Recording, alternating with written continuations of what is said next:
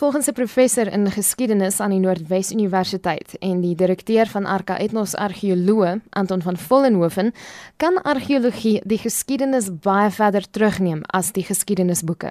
Volgens hom is daar verskeie maniere om op die oog af te bepaal uit watter tydperk sekere strukture dateer.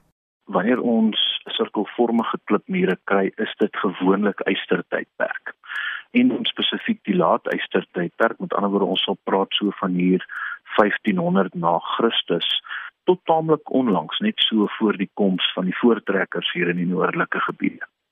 As 'n ou nou nie hierdie sirkelvormige klipmure kry nie en jy kry net ander oorblyfsels dan raak dit 'n bietjie moeiliker. En dis nou maar deur baie jare se navorsing wat ons hierdie hierdie afleidings kan maak. Hoekige strukture is weer 'n aanduiding van 'n westerse invloed. Verder sê daar is bewyse dat mense in Suider-Afrika gewoon het lank voordat van Riebeeck voet aan wal gesit het. Uh die oudste goed wat ons het, dateer uit die steentydperk.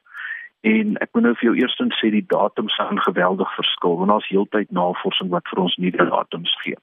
Maar in hierdie stadium kan die steentydperk so ver teruggevat word as so 2.5 miljoen jaar gelede wat ons reeds oorblyfsels gekry van klipwerktye. Dan is daar die ystertydperk wat begin het kort na die Christelike jaartelling 'n aanvang geneem het. Dit is natuurlik lank voor die ons aangekom het uh, van Riebeeck is in 1652, maar ons weet van die Portugese ontdekkingsvaardigers wat wat selfs voor dit hier aangedoen het. Um, maar selfs dit is heelwat later as as hierdie datums van so 200 na Christus. Tog is dit moeilik om sekere fondse aan 'n spesifieke bevolkingsgroep te bind, juis omdat dit so ver terug dateer. Groepe wat ons werklik kan verbind met die groepe wat ons vandag ken, die Zulus, die Pedis, die Xhosas, die Tswanas en so meer. Hulle weet ons was hier van 1300, 1400, 1500 definitief reeds hier gewees. Natuurlik dan hoofsaaklik in die noordelike gebiede dis van die die ou Transvaal provinsie, die Vrystaat, KwaZulu-Natal aan die ooskus, miskien selfs daar um uh, in die huidige Oos-Kaap, selfs in die Noord-Kaap, maar nie vreeslik wyd nie. Hier in die omgewing van Kuruman rond het ons van die mense gekry, maar die oomblik dat die mense daar by Appington rondkom, het ons nie die Eystertydperk bewoners gehad nie. Maar daar het ons natuurlik nou die Steentydperk bewoners gehad. En dit kon ons wel verbind van vandag se historiese koei en sanmense. Van Vollenhoven sê daar is tog 'n wanpersepsie oor die opskryf van geskiedenis in veral Noord, Wes en Oos-Afrika. Van die bevolkingsgroepe in die streke het hulle geskiedenis reeds in die Bybelse tyd begin opteken. Tog is dit nie noodwendig die geval vir Sentraal en Suider-Afrika nie. Hier is die eerste geskrewe aantekeninge deur die Portugese ontdekkingsreisigers gemaak. Dit is dan op hierdie terreine waar argeoloë opgrawings doen. In die eerste plek word fondse gedateer deur gebruik te maak van verskeie metodes.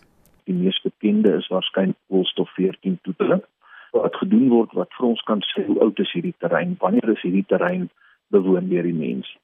En daarmee saam kan ons eintlik dan goed rekonstrueer wat hulle totale lewenswyse was. Het hulle vee aangehou of het hulle gejag? Uh, het hulle huise gebou? Hoe daai huise gelyk? Waarvan is daai huise gebou? wat het hulle geëet, wat het hulle dalk gedrink, watter ander aktiwiteite het hulle beoefen, byvoorbeeld landbou en die soort van ding. En dit kan ons baie goed help om 'n baie goeie uh, rekonstruksie te maak aan die geskiedenis van hierdie verskillende kulture. Die meeste argeoloë doen glo navorsing oor juis die Eystertydperk, wat die kern is van die vraag oor waar die land se mense nou eintlik vandaan kom. Dis daar waar die waar ons die kontak nou kry, die konflik tussen dit en swart tussen die koloniale mense en die inheemse mense. So die meeste argeoloë werk wel op die Eystertydperk. So daar word nogal baie gedoen. Maar ek dink soos dit maar altyd is, die geesteswetenskappe, is daar maar altyd 'n uh, tekort aan fondse. Ehm um, so daar kan sekerlik nog veel meer gedoen word om presies te bepaal. Dit was 'n professor in geskiedenis aan die Noordwes Universiteit en die direkteur van Arca Ethnos Argeoloog, Anton van Vollenhoven. Ek is Marlene Forsie vir SAK nuus.